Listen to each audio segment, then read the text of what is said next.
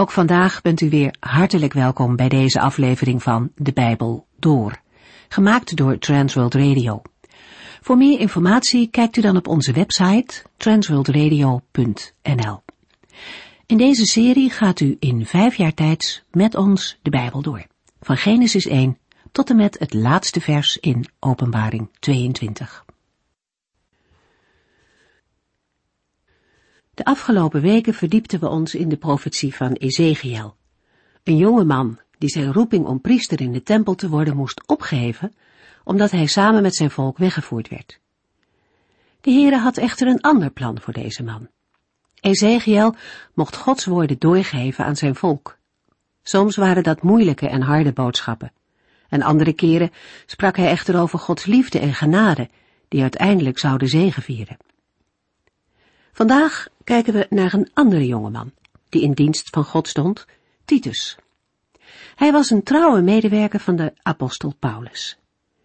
In de Bijbel vinden we één brief die aan deze Titus is gericht. Hij was een Griekse gelovige. Samen met Paulus en Barnabas was hij al eens in Jeruzalem geweest, waar hij getuige was van het feit dat de Heere ook mensen uit de heidenvolken wilde verlossen.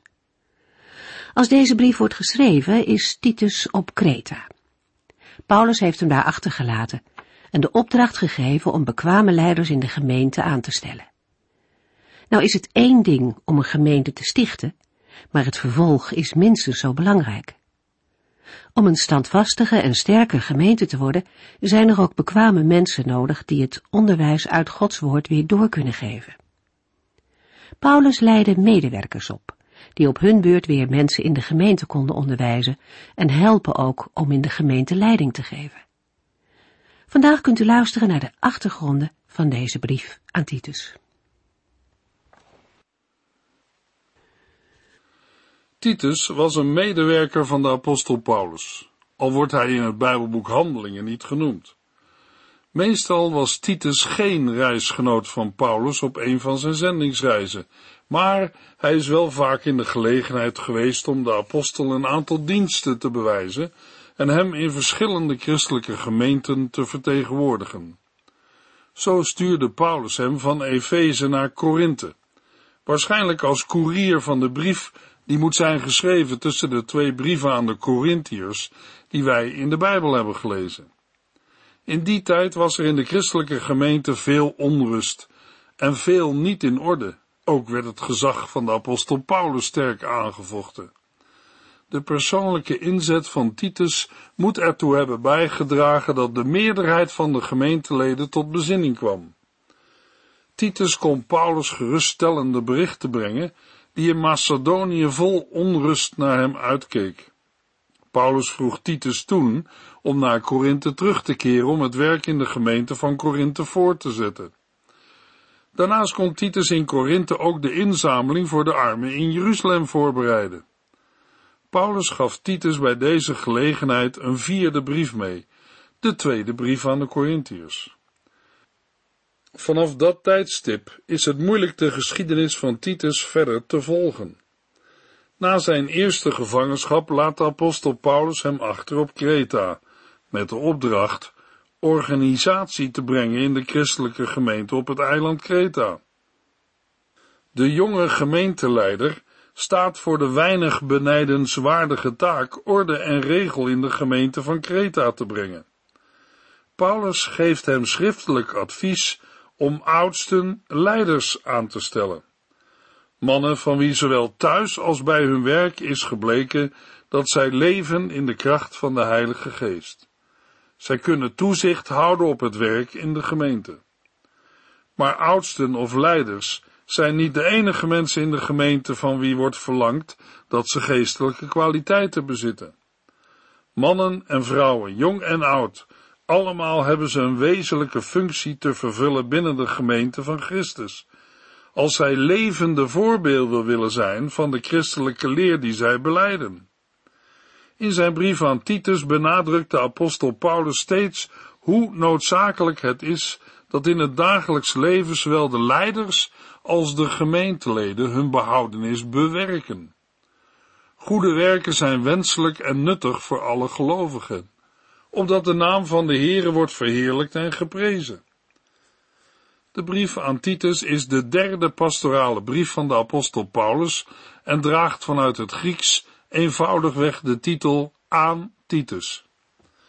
Aangezien we de pastorale brieven, waartoe ook de brief aan Titus behoort, wat het auteurschap betreft als een eenheid moeten zien, is de auteur van de brief aan Titus bekend, de apostel Paulus.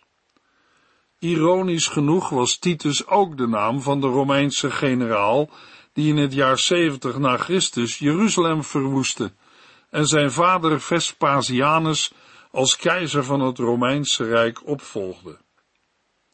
Het laatste bericht dat we over Titus lezen vinden we in 2 Korintiërs 8 en 12.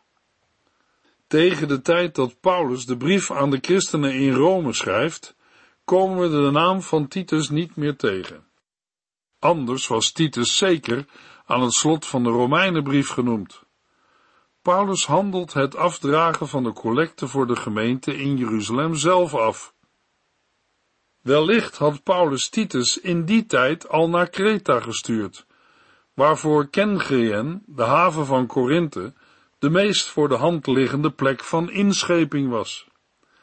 In het begin vertelde ik al dat Paulus Titus naar Kreta stuurde om er de tekortkomingen in de organisatie van de gemeenten recht te zetten en om plaatselijke leiders of oudsten aan te stellen. Paulus schrijft aan Titus een instructie om zijn oorspronkelijke aanwijzingen kracht bij te zetten. De instructie moet hij in het openbaar voorlezen. Tevens belooft de apostel Paulus aan zijn medewerker Titus helpers te sturen, Artemas of Tychicus. Er is geen aanwijzing in de brief van Titus dat Paulus gevangen zit. Elke datering in de eerste helft van het jaar 57 na Christus zou passen. Waarschijnlijk schrijft Paulus de brief aan Titus als hij op weg is naar Jeruzalem, misschien vanuit Milete, waar vandaan een boot gemakkelijk naar Kreta kan varen. In Milete is namelijk hetzelfde thema aan de orde als in Titus 1. Te weten de presbyters, oudsten of leiders. Paulus had hen in Handelingen 20 gezegd, want ik weet dat er na mijn vertrek valse leraren als hongerige wolven bij u zullen komen. Zij zullen de kudde niet ontzien. Zelfs mensen uit uw eigen kring zullen de waarheid verdraaien en proberen de christenen aan hun kant te krijgen. Wees daarom op uw hoede. Vergeet niet dat ik in de drie jaar dat ik bij u was, ieder van u voortdurend heb terecht gewezen, zowel s'nachts als overdag en vaak onder tranen. Toen waarschuwde Paulus de leiders van de christengemeente uit Efeze al voor valse leraren die de gemeente als wilde beesten van binnenuit wilden verscheuren en die door verdraaiing van de waarheid het huisgezin van God kapot wilden maken. Net als de apostel bij de leiders van Efeze deed, roept hij Titus en de gemeente van Kreta op een voorbeeld te zijn in eerlijke en goede werken. Paulus had Artemas en Tychicus bij zich. In de brief belooft hij Titus dat hij een van beiden naar Kreta zal sturen. Waarschijnlijk moeten we dan denken aan Artemas, omdat we later van hem niets meer horen. Van Tychicus lezen we dat Paulus hem naar Efeze heeft gestuurd. Paulus schrijft aan Titus dat als de vervanging voor hem op Kreta is aangekomen, hij zich moet haasten om zich bij Paulus in Nicopolis te voegen. Paulus wil de winter in Nicopolis doorbrengen. Waarschijnlijk is het dezelfde winter van het jaar 57 na Christus geweest. Want Paulus was van plan na de afdracht van de collecte in Jeruzalem naar Italië en Spanje te reizen. Maar van die voorgenomen reis is niets gekomen. Titus moest alleen naar Dalmatië en Paulus moest die winter in een gevangenis doorbrengen. Titus is een van de meest naaste en vertrouwde medewerkers geweest van de apostel Paulus. Paulus verwijst in zijn brieven dertien keer naar zijn medewerker Titus. Hij moet een bekeerling van Paulus zijn geweest. In Titus 1 vers 1 noemt Paulus hem Titus mijn kind in het geloof. Titus kwam waarschijnlijk uit Antiochië in Syrië. Mogelijk is hij een van de volgelingen van Jezus Christus, die in Antiochië voor het eerst christenen werden genoemd. Paulus bracht deze onbesneden Griekse gelovigen naar Jeruzalem, waar hij een testcase werd in zaken de kwestie van de heidenen en de vrijheid van de wet. Jaren later, toen Paulus voor zijn derde zendingsreis uit Antiochië vertrok, moet Titus hem hebben vergezeld, omdat hij gedurende die tijd bij drie gelegenheden door de apostel naar Korinthe werd gestuurd. Hij wordt pas weer opnieuw genoemd als Paulus hem in Kreta achterlaat om er het werk van Christus voort te zetten. Titus was ook bij Paulus tijdens zijn tweede Romeinse gevangenschap, maar verliet hem om naar Dalmatië te gaan, mogelijk met een zendingsopdracht. Paulus noemt deze betrouwbare en begaafde helper zijn broeder. In 2 Korintiërs 8 vers 23 schrijft Paulus aan de gelovigen in Korinthe, als iemand onder u vraagt wie Titus eigenlijk is, zeg dan dat hij mijn medewerker is. Hij helpt mij u te dienen. Al eerder in Titus 1 vers 1 noemt de apostel Titus mijn kind in het geloof. In de tweede brief aan de Corinthiërs schrijft Paulus over Titus in 2 Corinthiërs 7 vers 13 tot en met 15. Uw liefde heeft ons al bemoedigd, maar de blijdschap waarmee Titus bij ons kwam, heeft ons pas echt gelukkig gemaakt. Hij was vol lof over de goede ontvangst die hij bij u kreeg. Zijn ongerustheid was daardoor volledig weggenomen. Voor zijn vertrek had ik tegenover hem al hoog van u opgegeven, en u hebt mij niet teleurgesteld. Ik heb altijd de waarheid verteld, en dat ik tegenover Titus vol lof over u was, bleek dan ook terecht te zijn.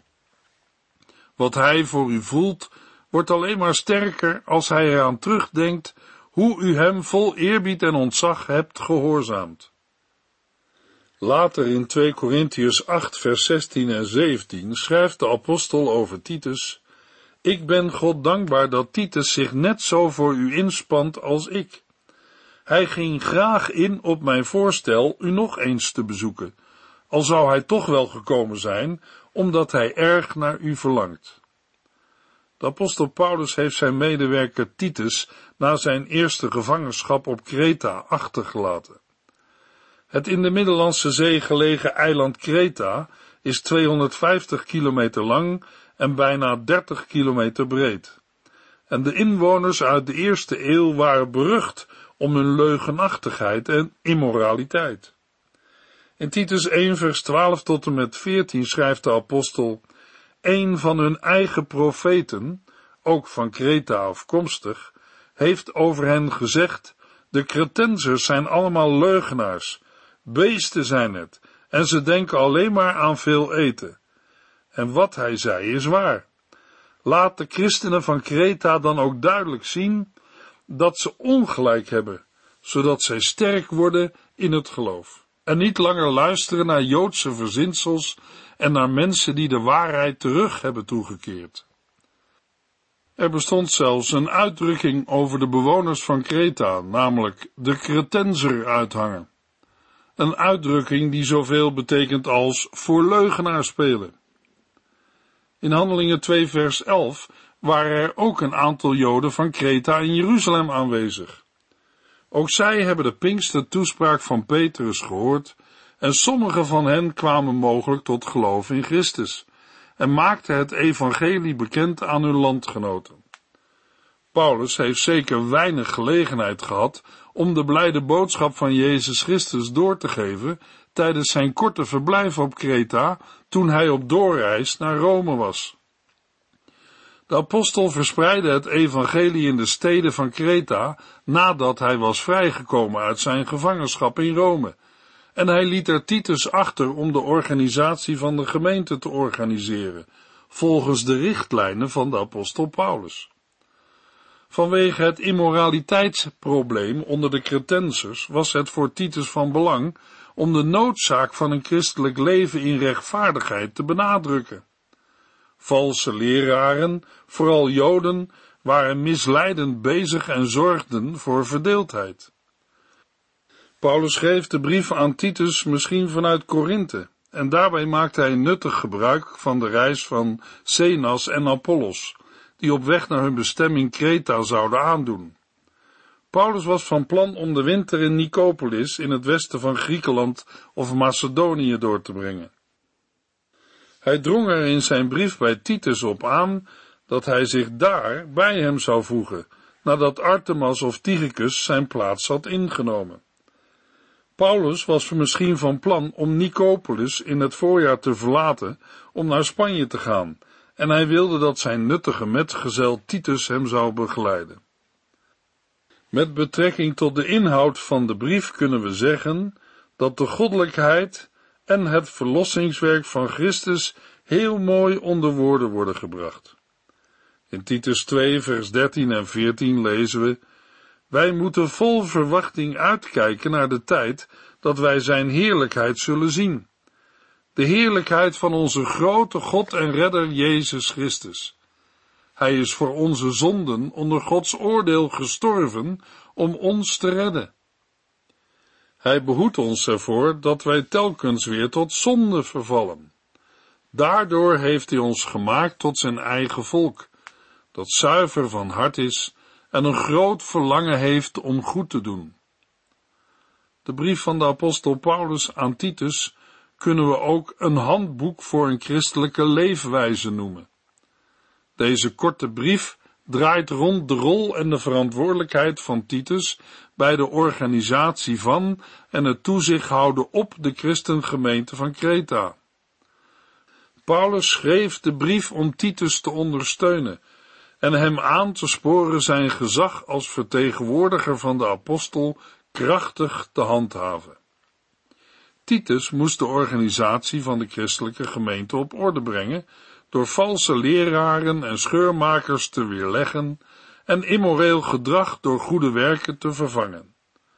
Paulus gebruikt de brief om Titus te herinneren aan enkele van de details die verband houden met zijn taak, inclusief de richtlijnen voor de leiders of oudsten in de christengemeenten en het gedrag dat van de diverse groepen binnen de gemeente wordt verwacht. Paulus neemt in deze brief drie leerstellige stukken op om er de nadruk op te leggen dat het juiste geloof de basis vormt voor het juiste gedrag. Dat juiste gedrag is een levenswijze die bij een christen hoort, een navolger van Christus zijn.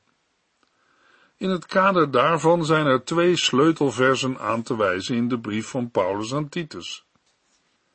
Als eerste Titus 1 vers 5, waar Paulus aan Titus schrijft, ik heb je op het eiland Kreta achtergelaten om te doen wat daar nog nodig was, namelijk in de gemeente van elke stad leiders aan te stellen, volgens mijn richtlijnen. Als tweede sleutelvers kunnen we denken aan Titus 3 vers 8, waar de apostel schrijft, wat ik je hier gezegd heb, is allemaal waar. Wijs er telkens met klem op dan zullen de christenen niet vergeten dat zij goed moeten doen. Dat is niet alleen juist, maar ook nuttig voor onze medemensen. In een andere vertaling lezen we met dezelfde strekking. Dit is een getrouw woord en ik wil dat gij op dit punt een krachtig getuigenis geeft, opdat zij, die hun vertrouwen op God gebouwd hebben, ervoor zorgen vooraan te staan in goede werken die zijn schoon en voor de mensen nuttig. Luisteraar, dit zijn niet alleen vragen voor de gelovigen op het eiland Kreta, maar ook voor ons. Staan wij als gelovigen vooraan in goede werken? Zijn wij graag bereid om anderen te helpen, of zijn wij als christelijke kerken en gemeenten alleen met onszelf bezig? Als we in de brief van Paulus aan Titus op zoek gaan naar een sleutelhoofdstuk tot het begrijpen van de brief, dan zou ik hoofdstuk 2 aanwijzen.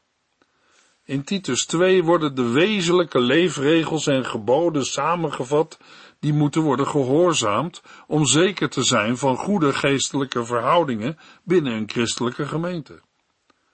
Paulus draagt alle groepen mensen in de gemeente gezamenlijk op om niet oneerlijk te zijn, maar in alles te laten zien dat zij betrouwbaar zijn. Dan zullen zij in alle opzichten het aanzien van de verkondiging van God, onze redder, verhogen. En wat is de inhoud van die verkondiging? De genade van God is bekend geworden, waardoor voor alle mensen eeuwige redding mogelijk werd. En daardoor leren wij dat wij ons van ons slechte leven en onze zondige verlangens moeten afkeren, om daarna van dag tot dag verstandig en goed te leven, met ontzag voor God. Wij moeten vol verwachting uitkijken naar de tijd dat wij Zijn heerlijkheid zullen zien, de heerlijkheid van onze grote God en Redder, Jezus Christus. De brief aan Titus is net als de eerste brief aan Timotheus geschreven nadat Paulus uit zijn gevangenschap in Rome was vrijgelaten, en gericht aan een medewerker die de opdracht had gekregen om als vertegenwoordiger van de apostel op te treden. Paulus had Titus achtergelaten op Kreta om de organisatie van de christelijke gemeente op te zetten door in elke stad leiders aan te stellen.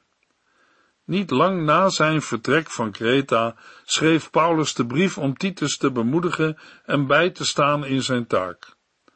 De brief legt de nadruk op de gezonde leer en waarschuwt tegen degenen die de waarheid verdraaien.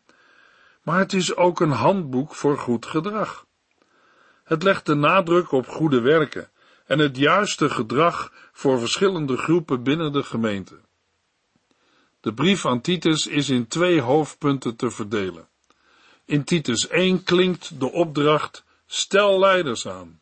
En in Titus 2 en 3 klinkt de opdracht breng dingen in orde. Titus 1 Stel leiders aan.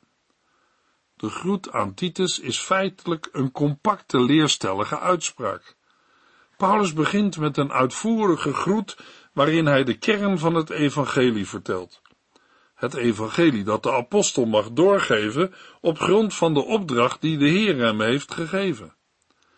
Paulus herinnert Titus aan zijn verantwoordelijkheid om de gemeente van Kreta te organiseren door leiders of oudsten aan te stellen, en herhaalt de richtlijnen waaraan deze geestelijke leiders moeten voldoen. Dit is vooral belangrijk met het oog op de verwarring die wordt veroorzaakt door valse leraren die een aantal gelovigen van streek brengen door hun Joodse verzinsels en geboden. De natuurlijke neiging tot losbandigheid van de Cretensers is, in combinatie met dat soort misleiding, een gevaarlijke kracht die overwonnen moet worden door een godvrezend leiderschap en een gezonde leer. Titus 2 en 3 brengt dingen in orde. Aan Titus wordt opgedragen vrij uit te zeggen hoe een christen hoort te leven. En Paulus geeft de rol aan die Titus te vervullen heeft tegenover verschillende groepen binnen de gemeente. Te weten oudere mannen, oudere vrouwen, jongere vrouwen, jonge mannen en slaven. De kennis van Christus moet bij elk van deze groepen een verandering teweegbrengen, zodat hun getuigenis in alle opzichten het aanzien van de verkondiging van God, onze redder, verhogen. De tweede leerstellige uitspraak in de brief aan Titus legt de basis voor de oproep die Paulus zojuist heeft gedaan om rechtvaardig te leven. God verlost door zijn genade de gelovigen van de slavernij aan de zonde. Paulus dringt erop aan dat Titus Gods waarheid met gezag zal verkondigen. In Titus 3 stapt Paulus van het gedrag van bepaalde groepen over op het gedrag in het algemeen. Het gedrag van gelovigen in de wereld moet anders zijn dan dat van niet-gelovigen, vanwege hun wedergeboorte en vernieuwing door de Heilige Geest. De derde leerstellige uitspraak in het Bijbelboek Titus benadrukt de genade, liefde en vriendelijkheid van God die ons redt. Niet omdat wij het hadden verdiend, maar omdat Hij met ontferming over ons bewogen was en medelijden met ons had. Toch wordt de noodzaak om goede werken te doen uit dankbaarheid en als resultaat van de verlossing zes keer met klem naar voren gebracht in de brief aan Titus. Paulus spoort Titus aan om krachtig op te treden tegen scheurmakers die partijschappen en oneenigheid zouden veroorzaken. De brief sluit af met drie instructies, een groet en een zegenbede. Na deze inleiding gaan we nu lezen in het Bijbelboek Titus. Titus 1 vers 1 Van Paulus aan Titus, mijn kind in het geloof. Ik ben een dienaar van God en een apostel van Jezus Christus. God heeft mij erop uitgestuurd om het geloof te brengen aan de mensen die door hem zijn uitgekozen en om hun de waarheid over God te laten kennen. Paulus geeft met de eerste woorden inzicht in wat hem drijft in het leven. Hij wil de Heere volkomen gehoorzamen. Dat brengt hem ertoe zijn leven in te zetten om anderen over Jezus Christus te vertellen. Luisteraar, wat is uw en jouw doel in het leven? In de volgende uitzending lezen we verder in Titus 1. U heeft geluisterd naar De Bijbel Door, in het Nederlands vertaald en bewerkt door Transworld Radio. Een programma waarin we in vijf jaar tijd de hele Bijbel doorgaan. Als u wilt reageren op deze uitzending of u heeft vragen, dan kunt u contact met ons opnemen. Tijdens kantooruren kunt u bellen op 0342 47 8432 0342 47 8432. Ook kunt u een e-mail sturen naar de Bijbel door transworldradio.nl en natuurlijk kunt u ook via de post ons bereiken. TWR, postbus 371, postcode 3770, AJ in Barneveld. Dit programma werd gepresenteerd door Cor Weda en Ike André. Techniek was in handen van Odin van Voerkom. En wij allemaal bedanken u voor het luisteren. Graag tot de volgende keer.